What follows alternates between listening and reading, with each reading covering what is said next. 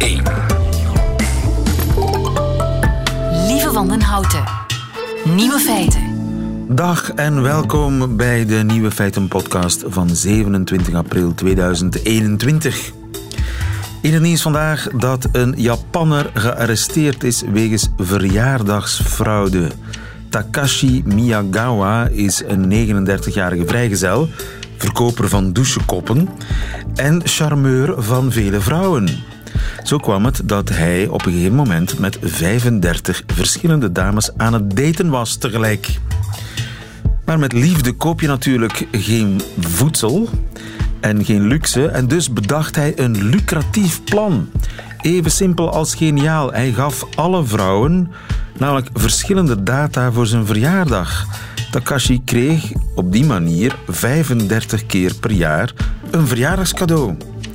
In totaal voor 765 euro. Waaronder een maatpak van 230 euro. Helaas voor hem kwamen de vrouwen achter het bedrog en gingen ze gezamenlijk naar de politie. Takashi wordt vandaag aangeklaagd voor fraude. En terecht. De andere nieuwe feiten vandaag. Plastic die oplost in lauw water. Het bestaat. Speculeren met vastgoed dat niet bestaat. Het kan. Octopussen kunnen pijn voelen. En een wetenschappelijk experiment in Amerika duurt al 142 jaar. De nieuwe feiten van Grof Geschut, het cabaretduo, hoort u in hun middagjournaal. Veel plezier. Radio 1. Om de 20 jaar graven wetenschappers van de Universiteit van Michigan in het holst van de nacht, in het grootste geheim, op het terrein van de campus, een fles op. Filip van der Look, goedemiddag. Goedemiddag. Van de plantentuin van Meissen. Onlangs was het weer zover, hè? in het holst van de nacht, want het was weer twintig jaar geleden, hebben ze de fles gevonden. Het heeft een tijdje geduurd, ze hebben naar het schijnt de hele nacht op een verkeerde plek zitten graven.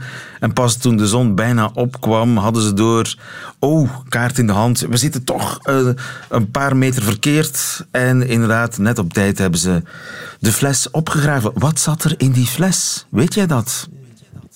Ja, dat, in die flessen zaten, zaten zaden die ze 140 jaar uh, geleden uh, begraven hebben. En het was belangrijk dat ze die flessen konden opgraven voordat, voordat de zon opkwam, want die, die zaden die mochten niet blootgesteld worden aan het licht. In, de bedoeling van dat experiment was namelijk om te kijken hoe lang dat zaden levend kunnen blijven in, in de bodem en uh, levend in niet gekiemde toestand. En van het moment dat die zaden zouden blootgesteld worden aan licht, dan zou die kunnen kiemen. En dus dat experiment is begonnen in 1879? Ja, ja, dat klopt. Dat is een van de langstlopende experimenten ter wereld. We doen zelf ook soms zo dergelijke experimentjes, maar die lopen dan maar drie of vier jaar of zo. Uh, dus dit, experiment is echt wel uniek. En het, unieke is, is, eigenlijk dat er nog altijd levende zaden in die flessen zitten. Dat is niet te geloven. Hè? Dus in 1879 heeft een botanicus een plan opgevat. En was het het plan dat het, uh, hoeveel jaar zijn we nu verder? 142 jaar, dat het uh, zo lang zou gaan duren? Ja, dat was oorspronkelijk niet de bedoeling. De bedoeling was eigenlijk om, om ja, dan kortere termijn te laten lopen. Want in, oorspronkelijk werden die flessen om de vijf jaar opgegraven. Maar uh, zijn opvolgers die hebben dan op een bepaald moment beslist om die termijn van, van opgraven een beetje te rekken. Want het aantal flessen dat, dat begraven was, was natuurlijk beperkt. Dus op die manier graven ze nu om de twintig jaar uh, flessen op. En uh, ja, en oorspronkelijk was de bedoeling om de vijf jaar op te graven. En dan zou het na honderd ja, jaar ongeveer ja. uh, klaar zijn. Maar ze hebben de termijnen verlengd. Om te, om, om, en dat maakt het natuurlijk nog interessanter. Hè? Ja, op die manier kunnen ze, kunnen ze nog... Uh, ik geloof dat er nog vier flessen begraven zijn. Kunnen ze nog 80 jaar opvolgen. We hebben nog vier flessen. We kunnen nog 80 jaar verder in uh, Michigan ja. aan de Michigan State Universiteit. En het rare is dus dat er zaden zijn die nog ontkiemen na 142 jaar. Maar ook zaden die dat niet doen. Um, ja, dus het, is de, het zijn natuurlijk twee aspecten die ervoor zorgen dat zaden niet kiemen. Enerzijds kunnen ze dood zijn, natuurlijk, want uh, in die omstandigheden, ja. Sommige zaden die, die kunnen het niet zo lang rekken. Anderzijds kunnen zaden ook dormant zijn, wat, wat betekent dat ze echt eigenlijk in een slapende toestand in, in de bodem zitten. Dormant? de, dormant, ja. En dat, dat, dat is eigenlijk een systeem van die zaden om ervoor te zorgen dat ze op een moment kunnen kiemen dat de, dat de omstandigheden geschikt zijn. En de zaden die ze daar begraven hadden, waren onkruidzaden. En onkruidzaden zijn types van die zaden die, die, die verschijnen op verstoorde plaatsen, omdat die, ja, die plantjes zijn niet zo concurrentiekrachtig, dus die hebben echt wel die verstoring en veel uh, verstoring nodig. En eigenlijk ook veel, veel plaats en licht en dergelijke. Dus uh, ja, die waren daar wel specifiek voor geselecteerd. Dus uh, wacht eens even, heeft, heeft hij specifiek zwakkere zaden geselecteerd? Nee, hij heeft uh, specifiek onkruidzaden geselecteerd. Omdat die sterker zijn of omdat die zwakker zijn? Omdat die gewoon langlevend zijn. Want die, die hebben een, een, ecologische strategie die erop gericht is om, om zaden ja, langlevend in de bodem te houden en op die manier zo een beetje het risico te spreiden. Dus als de omstandigheden goed zijn, dan, dan kunnen er een aantal zaden, uh, zaden kiemen die dan, die dan verschijnen. Juist, ja. Dus die, die, die zijn er specifiek op gebouwd om lang eh, te kunnen slapen. Ja, ja dat klopt. En uh, ja, zijn oorspronkelijk idee was eigenlijk, of zijn oorspronkelijke vraag was eigenlijk om te achterhalen waarom dat, dat onkruiden zo lang blijven, blijven kiemen. Bijvoorbeeld als mensen die in een moestuintje werken, ja, die, die weten dat, dat je onkruid kunt blijven wieden, maar uh, dat blijft altijd maar terugkomen. Dus hij wou weten hoe lang dat die zaden eigenlijk in die bodem bleven. Ja, en nu weten we het uh, stilaan voor een bepaald aantal zaden, dus minstens 142 jaar.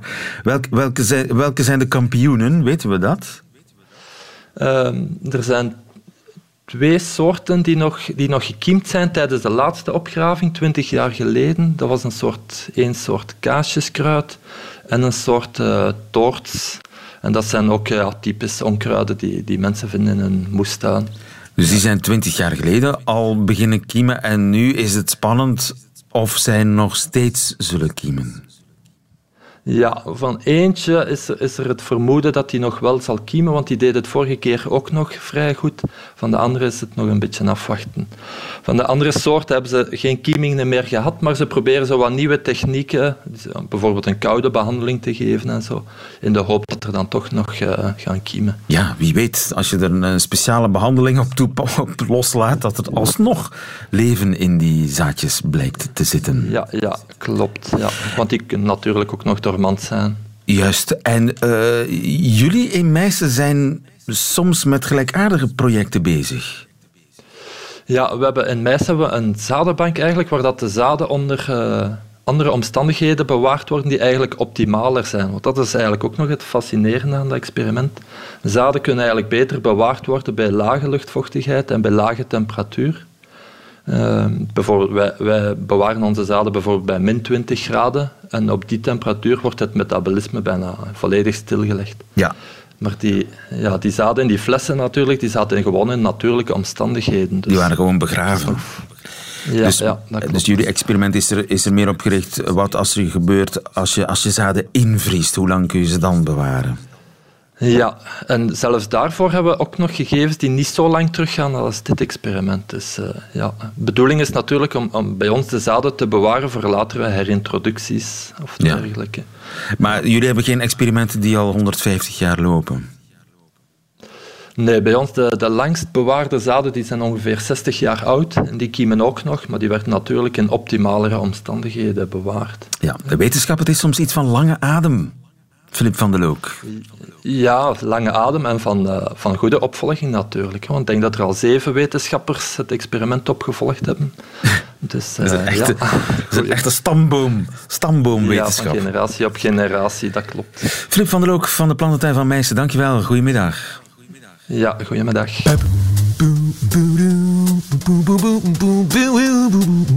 Radio 1. Nieuwe feiten. Plastic afval, ik moet het u niet uitleggen, dat is een gigantisch probleem. Denk maar aan de plastic soep in de oceanen. Maar nu is er misschien een oplossing op komst. Met name plastic die oplost in lauw water. Peter Ragaard, goedemiddag. Goedemiddag, lieve. Je bent expert duurzame verpakkingen aan de Universiteit van Gent. Uh, collega's van jou aan de Universiteit van Californië die hebben een nieuw soort plastic ontwikkeld. Wat is daar zo bijzonder aan, aan dat plastic? Wel, het plastic op zich is niet uh, nieuw. Dat is een, uh, een van de plastics die zij hebben onderzocht, is uh, PLA, polylactic acid, een, een, materiaal dat toch al een twintigtal jaar bestaat. Ehm, met een van de eigenschappen is dat het PLA kan degraderen. Dus dat, kan, dat is biodegradeerbaar. Maar de huidige PLA-vormen hebben daar een bepaalde temperatuur voor nodig, vanaf 60 graden en hoger. Um, dat is het eerste punt. En ten tweede, dat, kan, dat proces van biodegraderen kan wel een aantal weken tot zelfs maanden in beslag nemen. Die onderzoekers hebben met hun uh, onderzoek aangetoond uh, dat dat bij ook lagere temperaturen zou kunnen en dat die tijd ook veel korter kan gemaakt worden. Oh, dus ik dacht er is een nieuw soort plastic ontwikkeld. Nee, nee, er is ontdekt dat dat plastic dat al bestaat, dat dat veel makkelijker kan afgebroken worden dan tot nog toe werd aangenomen. Inderdaad, men gebruikt daarvoor enzymtechnologie. We zien dat meer en meer bij verschillende projecten uh, en universiteiten opduiken. Dus via enzymes die men integreert in het plastic. En die dan eigenlijk worden getriggerd om te beginnen die plastics af te breken, eigenlijk in korte stukjes te knippen. Daar komt het eigenlijk op neer. Um, en ja, wat zijn die triggers? Dat is in heel veel gevallen uh, wat vocht en ook wat temperatuur. Maar dus bestaand bioafbreekbaar uh, plastic kan eigenlijk al afgebroken worden in lauw warm water. Ja, inderdaad. Nu, dat is wel, uh, dus men spreekt daar van, van, van temperaturen van 30, 40 graden met uh, afbreektijden van een aantal dagen. Hè, wat uiteraard wel een, een groot ja, voordeel is ten opzichte van het systeem dat, dat nu bestaat, hè, waar je dus echt wel moet aan hogere temperaturen zitten. Uh, maar dat, plas, dat, die plastic, dat is echt stevig materiaal. Want ja, als ik, warme vochtigheid, ja, die is alomtegenwoordig toch. Als ik iets verpak in plastic en het komt in een warme, vochtige omgeving en dat plastic ja. begint te degraderen, dat is toch niet de bedoeling? Dat is niet de bedoeling. Nu, de, die onderzoekers hebben dat ook al uitgetest. Dus bij gewone gebruikscondities, uh, bij kamertemperatuur en zo, blijven die plastics wel de, de, hun gewone vorm behouden. Ja. Um, en daar zou ik dan toch wel ook al een bemerking bij, bij willen maken. Dus we mogen dit zeker niet zien als een, als een wonderoplossing dat, dat als plastics in het, in het milieu belanden, dat die dan gewoon gaan afbreken. Hè. Want ja, je moet toch altijd toch denken aan die temperaturen van 30, 40 graden. Uh, dus het is zeker niet zomaar een vrijgeleide om alles te beginnen weggooien. Maar het is wel in die zin goed nieuws dat uh, de manier waarop op dit moment met dat afbreekbaar plastic wordt omgegaan, dat dat veel, in, veel te ingewikkeld is. Eigenlijk kan het veel makkelijker afgebroken worden. Wel, in principe is het goed nieuws voor bijvoorbeeld de composteerinstallaties, hè, want daar horen we vaak de kritiek van ja, wij aanvaarden die composteerbare plastics momenteel niet, bijvoorbeeld in het GFT, omdat het te lang duurt in onze installaties om dat af te breken. Hè. Met deze technologie zou dat veel korter kunnen, hè, waardoor die materialen misschien sneller eh, gaan gecomposteerd worden in dergelijke installaties. Het tweede voordeel is dat je natuurlijk ook naar thuiscompost toe een PLA-verpakking, uh, dus een van die materialen die onderzocht geweest zijn, een PLA-verpakking kan je thuis niet gaan composteren, omdat je niet die, die, die hoge temperaturen hebt. Maar dus met deze nieuwe technologie zou je dus ook perfect kunnen gaan thuis composteren van PLA. Dus dat is toch goed? Is er veel PLA in de wereld? Nee, dat momenteel nog, uh, nog niet echt. Nee. Uh, dat is eigenlijk, uh, als je alle composteerbare plastics samenneemt, dan kom je nog niet aan, aan 1% van alle plastics die wereldwijd beschikbaar zijn. Dus er is nog een zeer lange weg te gaan. Ook al bestaan die materialen, zoals gezegd, toch al, zeker naar wat PLA betreft, al quasi 20 jaar. Dus daar is wel nog werk aan de winkel om, om dat PLA in hogere volumes op de markt te hebben. En zou dat een goed idee zijn? Goh, dat is, een, uh, dat is een, een, een, lastige vraag in die zin dat natuurlijk uh, uh, de focus momenteel, wat, wat ook heel belangrijk is, een andere strategie eigenlijk om, om het zwerfafval en, en, al, en de plastic soep waar u naar verwees, om dat te gaan verminderen, is uiteraard veel meer gaan inzetten op sorteren en recycleren. En dat kan je eigenlijk alleen maar doen als je daarvoor materiaal hebt uh, die voldoende op, met groot voldoende volume op de markt aanwezig is. Uh, en dat is dus een probleem met, met PLA, dat heb je momenteel niet. Ehm, je zou dat wel kunnen laten toenemen, maar ik denk dan voornamelijk aan die toepassingen waar dat een zeer grote meerwaarde kan hebben. Ik denk dan voornamelijk aan toepassingen waar na gebruik bijvoorbeeld nog vrij veel voedingsresten in achterblijven. Denk maar aan koffiecapsules bijvoorbeeld. Denk aan theezakjes. Uh, denk aan GFT-zakjes zelf. Daar zou dat een zeer goede oplossing voor zijn. Ja, dus koffiepads uit dat soort uh, composteerbare plastic, dat zou fantastisch zijn, want dan kun je die gewoon zelf composteren. Voilà, ja, inderdaad. Dus toch een beetje goed nieuws. Ja, zeker. Uh, dergelijk onderzoek, uh, dergelijk innovatief onderzoek is, is zeer belangrijk om, uh, om bij te dragen tot, een, tot een, een, meer circulaire economie, absoluut. Peter Ragaert van de Universiteit van Gent, dankjewel. Goedemiddag. Dank u wel, lieve dag.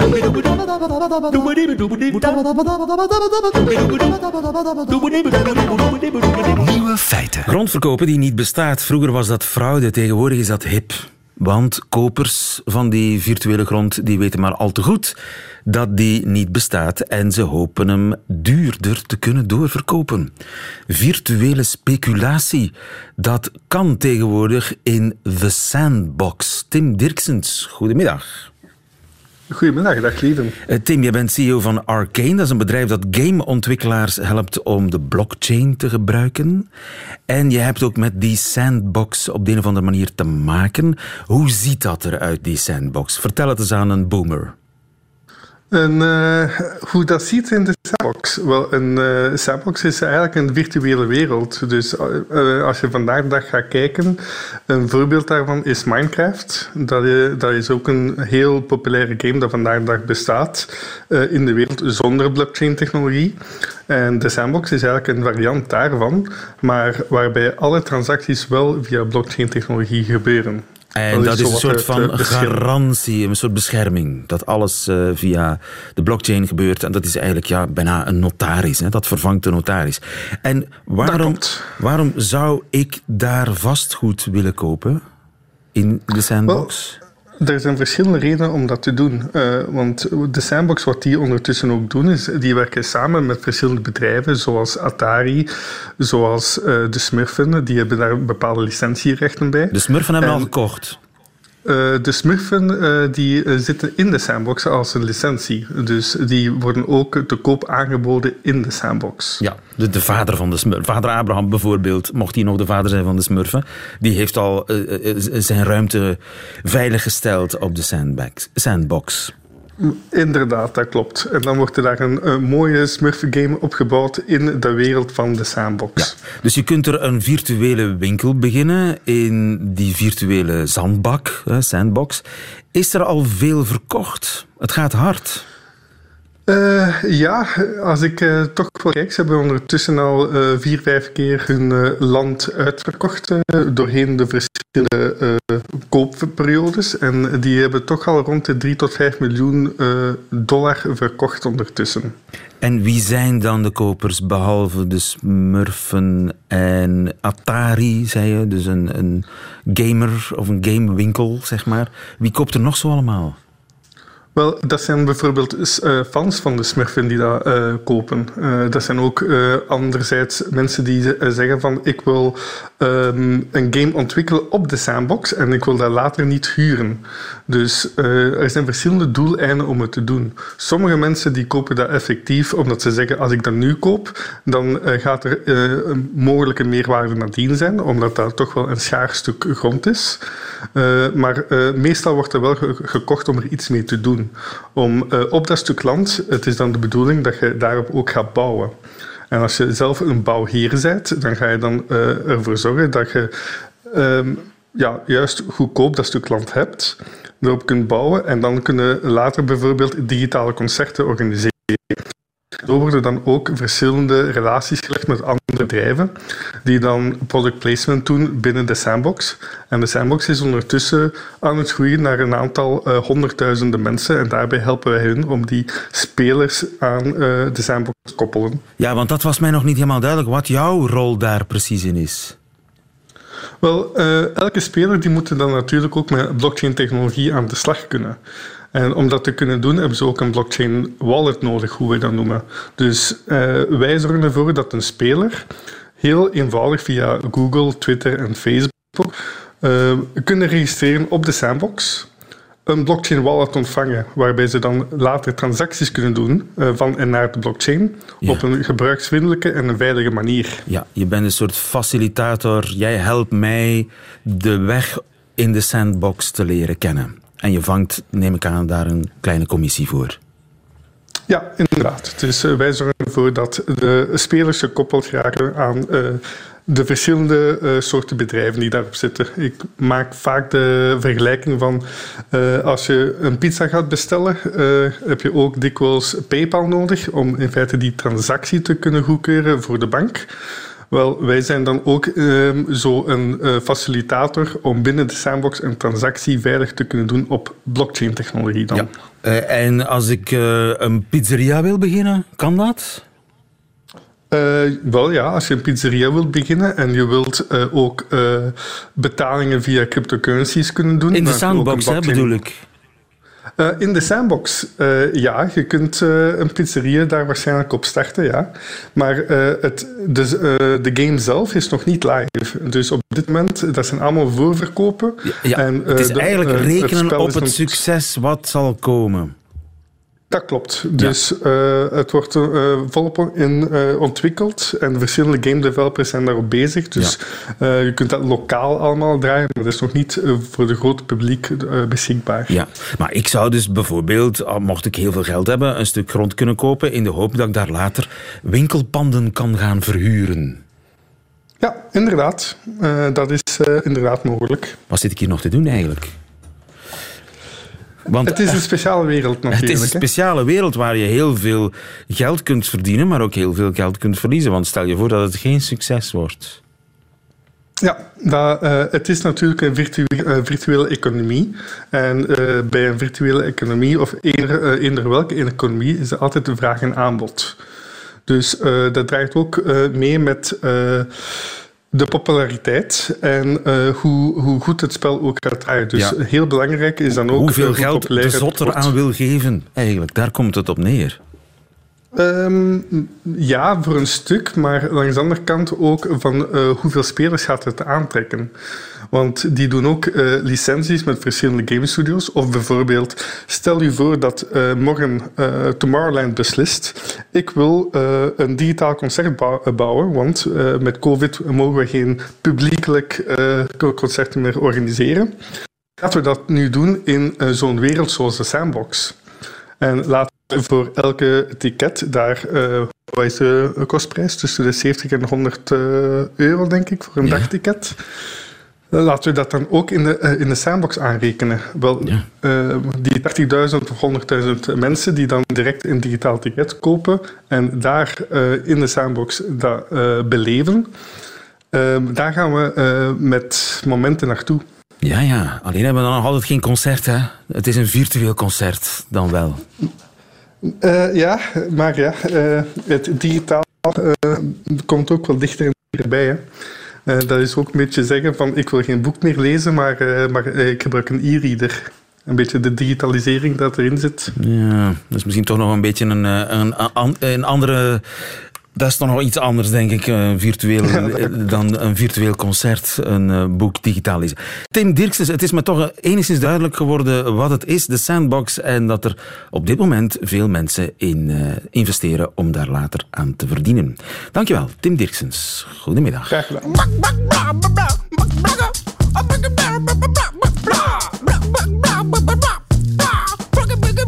Nieuwe feiten.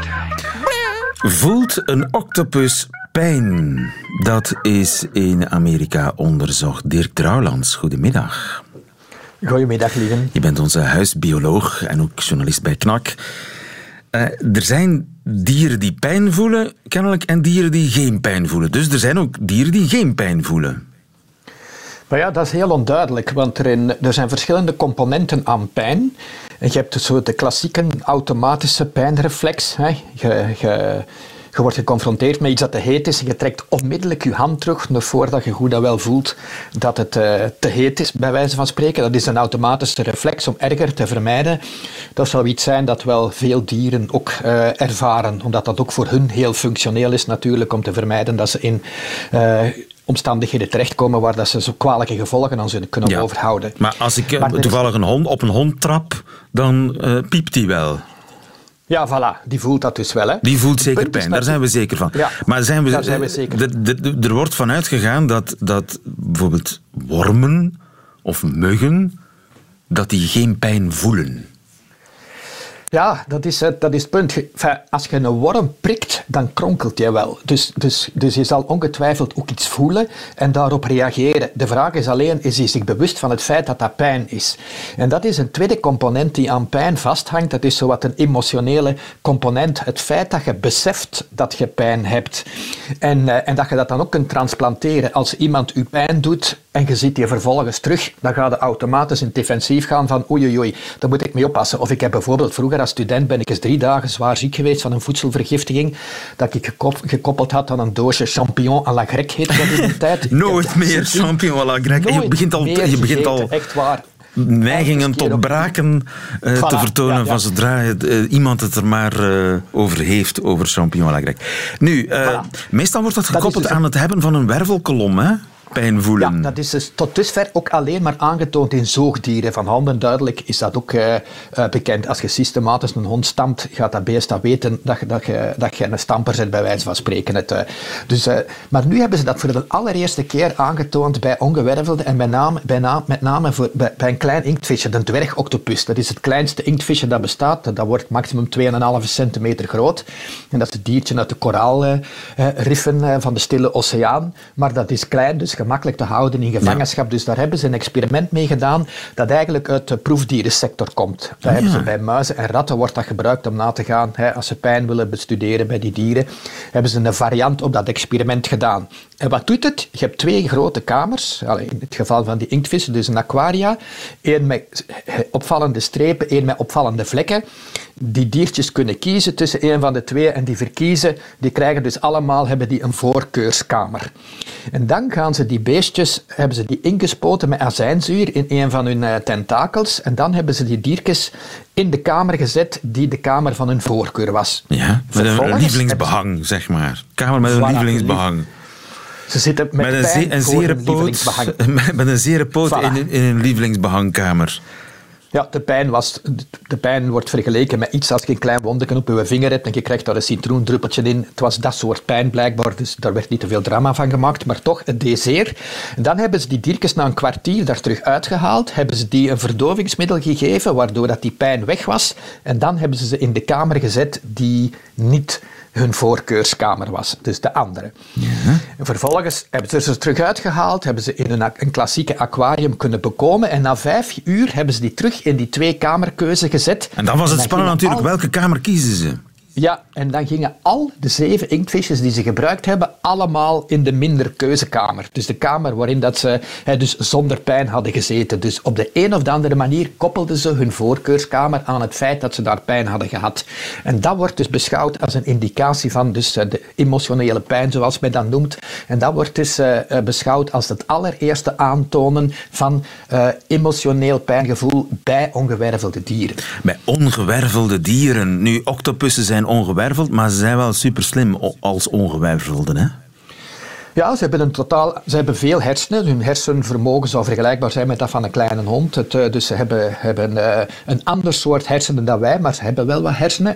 Nu is de vraag natuurlijk of dat, dat ook gaat opgaan voor andere ongewervelde dieren. En, en dat dat debat is aan het komen. Dus eh, dieren, vroeger werden dieren als objecten beschouwd. Nu zijn dieren huisgenoten en, en, en dieren in de natuur waar dat je respect voor moet hebben. Maar dat bleef tot dusver vooral beperkt tot gewervelde dieren. Ook onze wetgeving op het dierenwelzijn, daar staan eigenlijk bijna uitsluitend, allee, daar staan uitsluitend gewervelde dieren in. Maar toch moet er daar in 86 een visionaire geest geweest zijn die in de Vlaamse eh, regelgeving voor dierenwelzijn een klein anekdote, een klein paragraafje over ongewervelde en met name inktvissen heeft ingestoken. Ah, dus in 1986 wist de Belgische wetgever al de uitkomst van het experiment van 2021. Namelijk dat, Dat octopussen wel degelijk pijn kunnen voelen. En dus zijn ze door de Belgische wetgever beschermd. Ja, dus ze krijgen bepaalde uh, uitzonderingsmaatregelen om... Ze kunnen niet zomaar als proefdier gebruikt worden, bij wijze van spreken. Ongelooflijk. Nu, er is een... Ja, het, het is echt... Men, men, maar men gevoelt dat die tendens bezig, tendens bezig is om ook ongewervelde dieren niet langer als dingen te beschouwen, maar als wezens met een eigen hè, gevoel en, en, en, en, welzijnsvermogen. Dus dan kan je niet langer zonder gewetensvroeging een mug doodmappen. Ja, een, een, mug, dat is nu een moeilijk voorbeeld, maar, maar misschien wel, ja. Maar hoewel, er is in 2019 een boek verschenen, ik heb hem nog niet gelezen, dat is wel jammer. The Welfare of Invertebrate Animals heet die, het welzijn van ongewervelde dieren. En daar zit zelfs een hoofdstuk in over het welzijn van spinnen.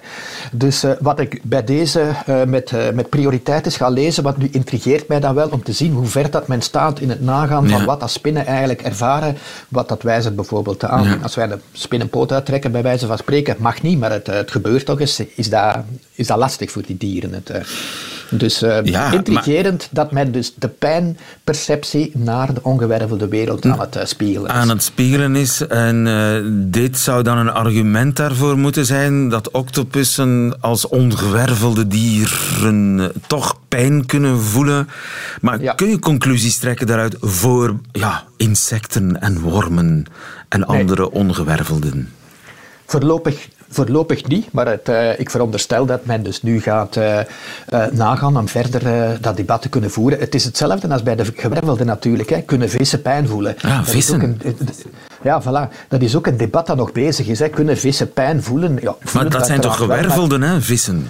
Voilà, die zijn dan gewervelde dieren. Dus, dus uh, de conclusie gaat zijn ja, want je voelt dat dat dus komen. Hoe meer onderzoek dat er dan gebeurt en hoe subtieler uh, men kan gaan kijken, hoe duidelijker wordt dat dat het geval kan zijn. En dus nu is stilletjes aan de stap naar de ongewervelde bezig.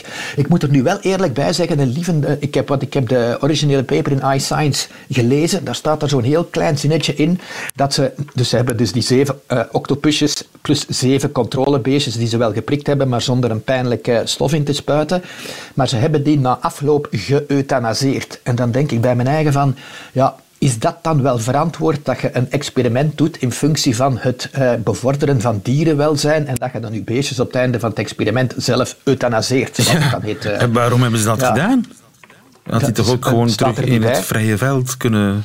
Ja, dat zou misschien wat moeilijk geweest zijn, om, omdat die ergens in Los Angeles, dacht ik, in een laboratorium zaten, om die dan terug de Stille Oceaan in te steken. Maar ik vind het toch wel straf dat men dit soort experiment dan verkoopt als iets te, in het kader van de strijd tegen, tegen uh, ja, het mishandelen van ongewervelde dieren in dit geval. En dat men dan die proefdiertjes dan nadien zelf euthanaseert. Allee, ja.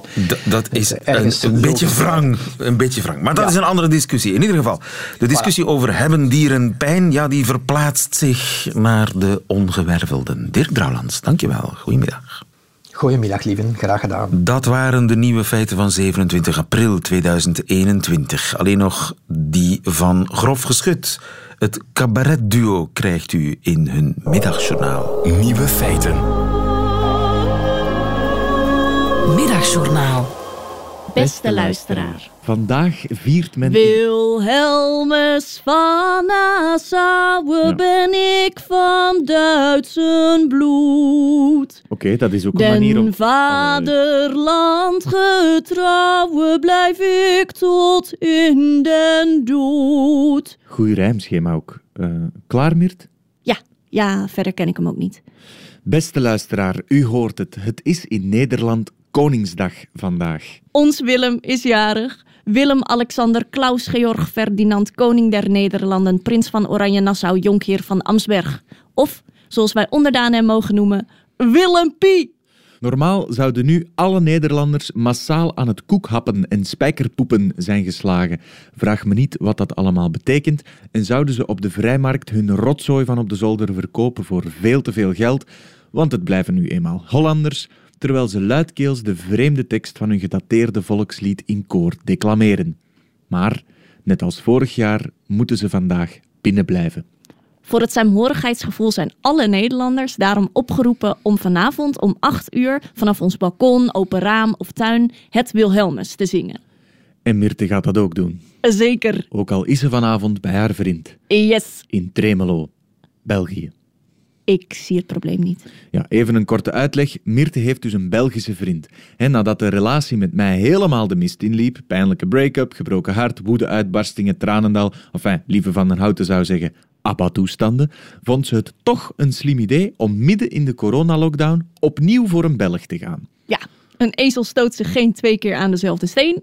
Een Nederlander wel. Ik heb blijkbaar een type. Sue me. Ze valt voor onze zachte G en hoe het woord poembak zeggen of appelblauw zeegroen. Kijk, ik voel me op dagen als deze, ook al ben ik in België, heb ik een Belgische vriend en Belgische collega, Moi? toch voel ik me op deze dagen een echte Nederlander. Dus ja, dan zing ik vrolijk het volkslied op het balkon om 8 uur in oranje klederdracht en een Nederlandse vlag in de hand met een vuvuzela. Ook al ben ik in België, ik ben eigenlijk, eigenlijk een Belgische Nederlander of, of een, een Nederlandse Belg. Een wolf in schaapskleren. De arme man, ons Willem, zit al twee jaar thuis, hè? Tweede lockdownverjaardag. Ik vind dat zielig. Ik vind dat zielig. Geen slingers, geen ballonnen, geen vrienden met leuke cadeautjes. Vind ik triest. Staat hij daar te spijkerpoepen, in zijn eentje, in de tuin. En Maxima maar klappen en lachen. Naar rechts, Willem, naar rechts. Enfin, Mirte wilde graag een oproep doen op de Belgische radio. Lieve Belgen, om Willempie een hart onder de riem te steken, verzoek ik u vriendelijk om allen vanavond om 8 uur met me mee te zingen.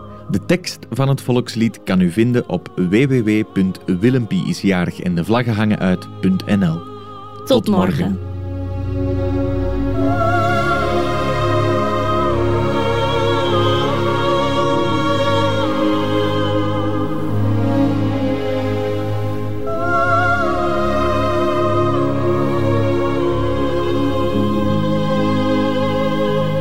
Middagjournaal van Grof Geschut. En het was middag op 27 april toen ze de oproep lanceerden om het Wilhelmus te zingen die avond. Einde van deze podcast. Hoort u liever de volledige nieuwe feiten met de muziek erbij? Dat kan natuurlijk via onze website of via onze app. Tot een volgende keer.